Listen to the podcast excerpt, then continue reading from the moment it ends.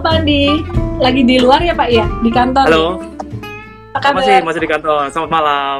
Uh. Selamat malam. Oke, iya Pak Andi ini adalah uh, VP Re- Investor Relations dari PT Telkom Indonesia, Telkom Indonesia atau dengan kode saham TLKM. Yang menarik adalah dulu terakhir kali kita ketemu Pak Andi di bulan Oktober atau November tahun 2020, tepatnya setahun yang lalu. Dan waktu itu Iya. saham TLKM tuh masih di bawah banget, murah banget. Dan teman-teman investor banyak yang nggak sabaran kayak, aduh kapan naik sih, kapan naik, kapan naik gitu. Ternyata Iya, setelah nge-live nggak lama terus naik gitu ya. Itu mungkin kebetulan aja gitu. Tapi saya percaya momen akhir tahun ini juga menjadi momen yang menarik ya, momen uh, window dressing yang menarik banget gitu. Nah Pak Andi, setahun kita nggak berjumpa nih ya. Jadi apa Iya. kabarnya nih Pak Andi dan juga Baik, TLKM pastinya? Baik, baik dan terima kasih sudah uh, invite kami lagi ya, uh, Bu Ellen ya. Oke, Iya. gimana kabarnya Pak perkembangannya TLKM dari 2020 sampai 2021 di masa pandemi ini? Iya. Uh, secara fundamental ya, uh, Bu Ellen kalau kita lihat results ya terakhir kan kita masih uh, bicara uh, first half ya. Uh, di tengah pandemi Telkom bisa catat uh, pertumbuhan revenue positif ya uh, 3,9 persen. Saya rasa sangat baik ya. Uh, kalau kita bicara margin, EBITDA maupun net income juga uh, expand ya uh, bertambah. Uh, itu artinya juga uh, sangat baik di tengah-tengah situasi pandemi seperti ini. Mungkin kalau kita lihat uh, bisnis seluler kita uh, juga uh, semakin improve ya uh, dalam beberapa kuartal terakhir di fixed line IndiHome ya uh, semakin baik tumbuh sangat uh, kuat uh, di half ini. Jadi rasa-rasanya uh, apa uh, Telkom uh, punya tren yang baik dalam beberapa uh, kuartal ini. Belum lagi secara industri juga uh, apa uh, positif ya. Uh, kita uh, baru saja apa uh, uh, mendengar berita uh, belum lama ini uh, merger Indosat dengan Tri misalnya ya itu artinya secara konsolidasi harusnya uh, berimbas positif ya. Uh, mudah-mudahan kita tentunya menyambut baik dan tentunya uh, apa uh, dengan adanya konsolidasi harapannya akan lebih uh, sehat industri ini ya. Uh, semua operator berlomba-lomba uh, melayani yang terbaik. Jadi persaingannya harusnya dalam hal layanan ya uh, bukan dalam hal harga untuk memberikan uh, experience yang terbaik bagi uh, pelanggan. Kira-kira begitu Bu. Saya mau kasih lihat, ya thank you Pak. Saya mau kasih lihat perkembangan harga saham TLKM dulu.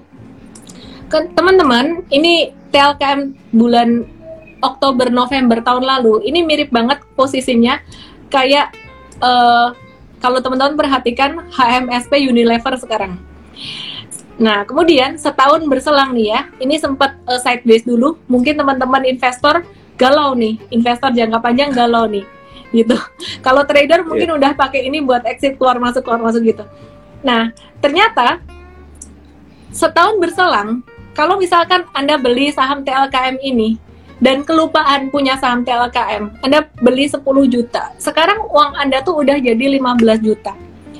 Dengan dibiarin aja gitu. Mungkin return ini nggak akan nggak bisa dibandingkan dengan saham-saham second liner yang eh, gerakannya Hmm. volatile banget gitu. Tapi saya percaya sih di sini eh, dengan kekuatan fundamental.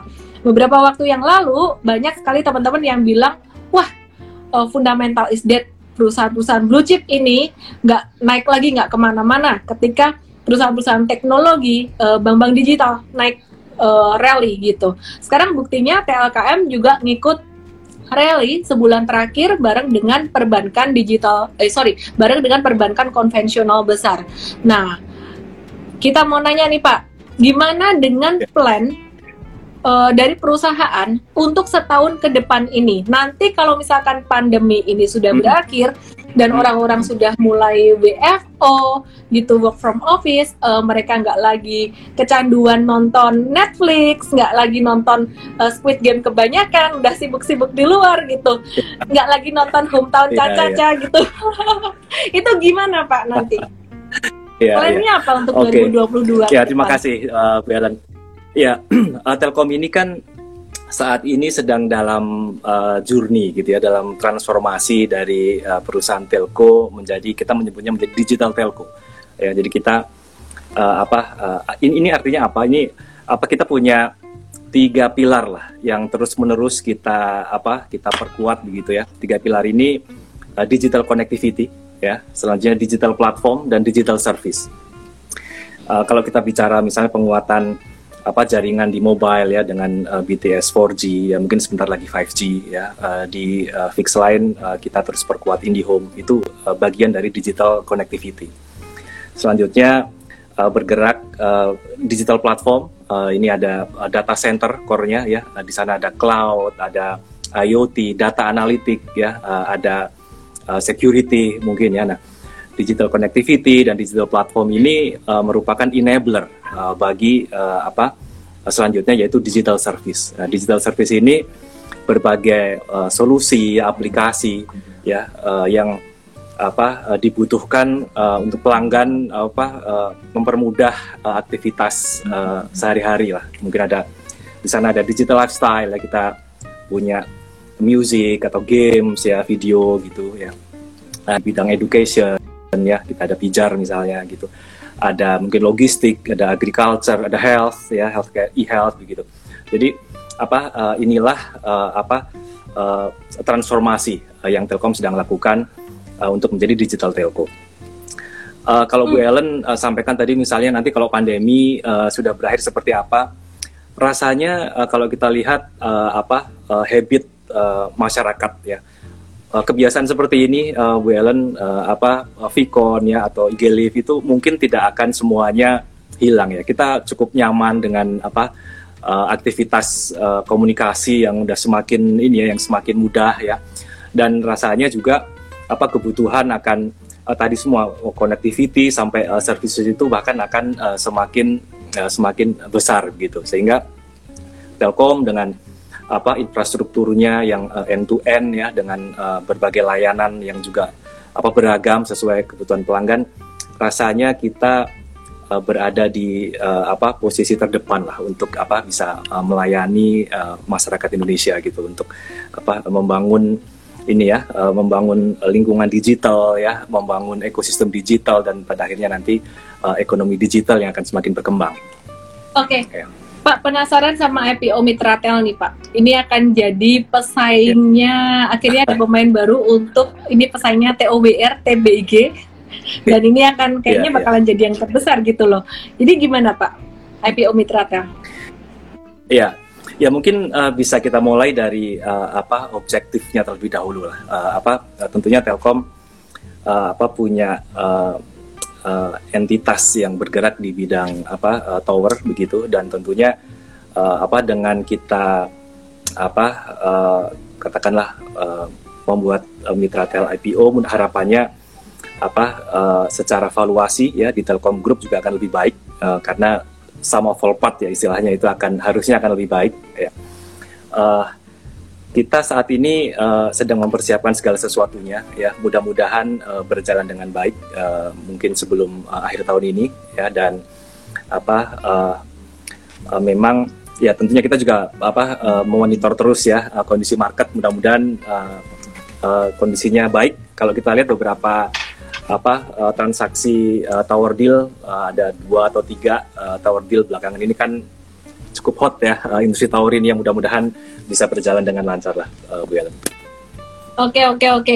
Target tahun 2021 gimana Pak? Udah kecapai berapa banyak nih?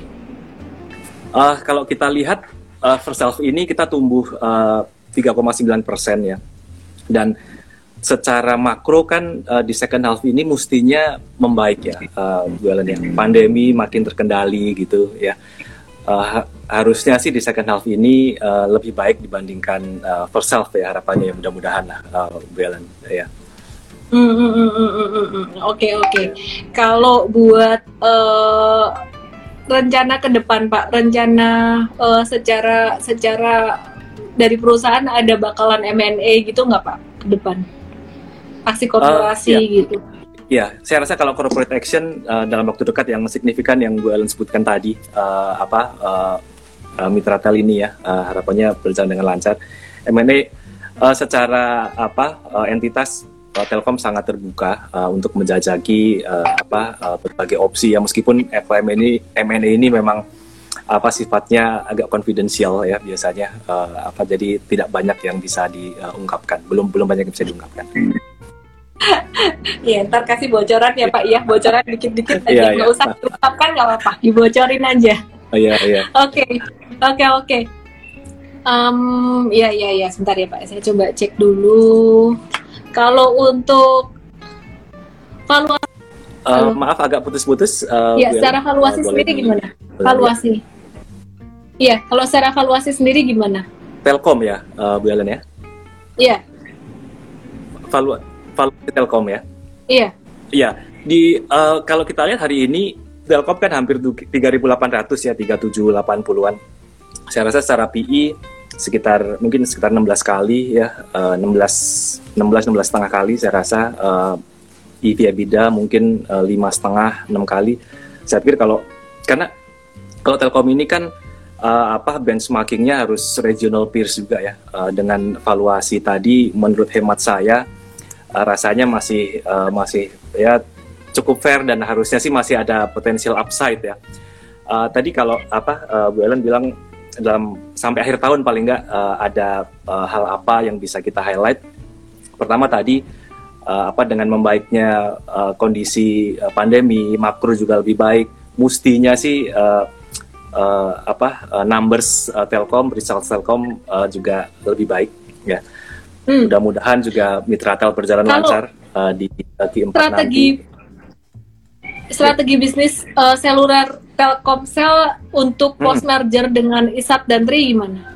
Oke, iya yang pertama tentunya ya pertama tadi kita apa harapannya dengan apa eh, konsolidasi industri ini eh, semakin sehat ya eh, dan tel, eh, Telkomsel sendiri eh, terus eh, memperkuat eh, network ya untuk memastikan eh, kapasitas kapasitas jaringan itu eh, apa eh, leading supply begitu Eh, karena kalau kita lihat traffic ya traffic eh, data di Telkomsel itu tumbuh eh, lebih dari 50% di first half ini. Artinya traction apa eh, mobile data itu eh, sangat tinggi ya. Ini kita harus memastikan apa eh, untuk menjaga experience pelanggan baik, eh, jaringan tetap diperkuat. Dari sisi offering juga eh, apa eh, tentunya eh, semakin apa kita menyebutnya semakin personalized gitu ya, sesuai kebutuhan eh, pelanggan eh, Telkomsel gitu. Jadi apa eh, Uh, kalau apa uh, sesuai kebutuhan pelanggan kita uh, lakukan uh, personalisasi, offering personalisasi itu tentunya lebih uh, lebih apa ya, uh, lebih harapannya lebih sticky gitu, lebih uh, uh, pelanggan akan lebih uh, loyal kepada uh, Telkom. Harapannya lagi akan semakin mengkonsumsi apa uh, produk-produk yang kita miliki uh, tadi berbagai layanan digital yang apa di uh, di uh, uh, miliki oleh Telkomsel sehingga uh, ARPU-nya juga akan lebih uh, baik lagi. Hmm, oke. Buat teman-teman yang penasaran, boleh beli di angka berapa sih untuk eh, TLKM ini? Ini kalau secara tek- secara fundamental sih sebenarnya kalau kita ngelihat eh, valuasinya udah masuk fair value ya nggak bisa dibilang discounted ya. Kalau teman-teman nunggu minta valuasinya terdiskon sih sebenarnya last year waktu dulu masih panik-paniknya itu. Sekarang udah Iya. duluan naik, eh, TLKM ini udah duluan naik dibandingkan saham-saham blue chip yang lainnya juga gitu. Jadi kalau minta diskon valuasi banget udah telat teman-teman makanya buat saham-saham yang eh, buat saham-saham yang lain yang tadi saya sebut di awal ada valuasinya masih terdiskon sekitar 3 atau 4 saham itu ya itu kemungkinan tahun depan teman-teman nggak akan dapat harga segitu lagi ya udah tinggal menuai aja. Nah untuk TLKM sendiri kalau mau masuk teman-teman bisa tunggu retracementnya itu di area sekitaran 3.700an Eh, atau 3.000 kalau 3.600 kayaknya susah ya. Ini 3.700an ini buy on retracement kalau seandainya mau investasi jangka panjang gitu Eh, atau mau swing trading juga. Apakah sudah terlambat untuk investasi jangka panjang? Ini bukan best price tapi ya masih ada upside-nya, masih ada upside. Sampai level berapa bisa naik kan itu pertanyaan paling sering ditanyain ya. Dalam Ya. waktu setahun mungkin ya eh, disclaimer juga bisa kurang dari setahun karena marketnya lagi uptrend banget itu bisa sampai level 4.400 nah angka 4.400 Amin. eh, datangnya dari mana dapatnya dari mana ini teman-teman perhatikan di sini ya aku pakai eh, technical ya aku pakai technical chart jadi 4.400 itu didapat dari puncak yang ada di sini sekitaran ini ya eh, di bulan 23 Agustus 2019 terus aku pakai monthly chart aja biar lebih kelihatan jelas. Jadi 4.400 ini untuk uh, upside satu tahunannya bahkan bisa sampai ke 47 untuk satu tahunnya. Ya barangkali bisa lebih cepat juga. Kita nggak tahu kalau marketnya uh, bagus dan yang pasti kalau COVID-19-nya recover ya pasti akan lebih cepat juga gitu. Uh, tapi saya bilang dulu ini bukan di harga the, the best best price-nya karena best price-nya tahun lalu yang valuasi murah. Ya, thank you so much Pak Andi buat uh, info. Terima kasih. Terima kasih Bu dengan PT uh, Telkom Indonesia ya. ya. Besok hari Sabtu dengan uh, direksi juga. Terima kasih Pak Andi.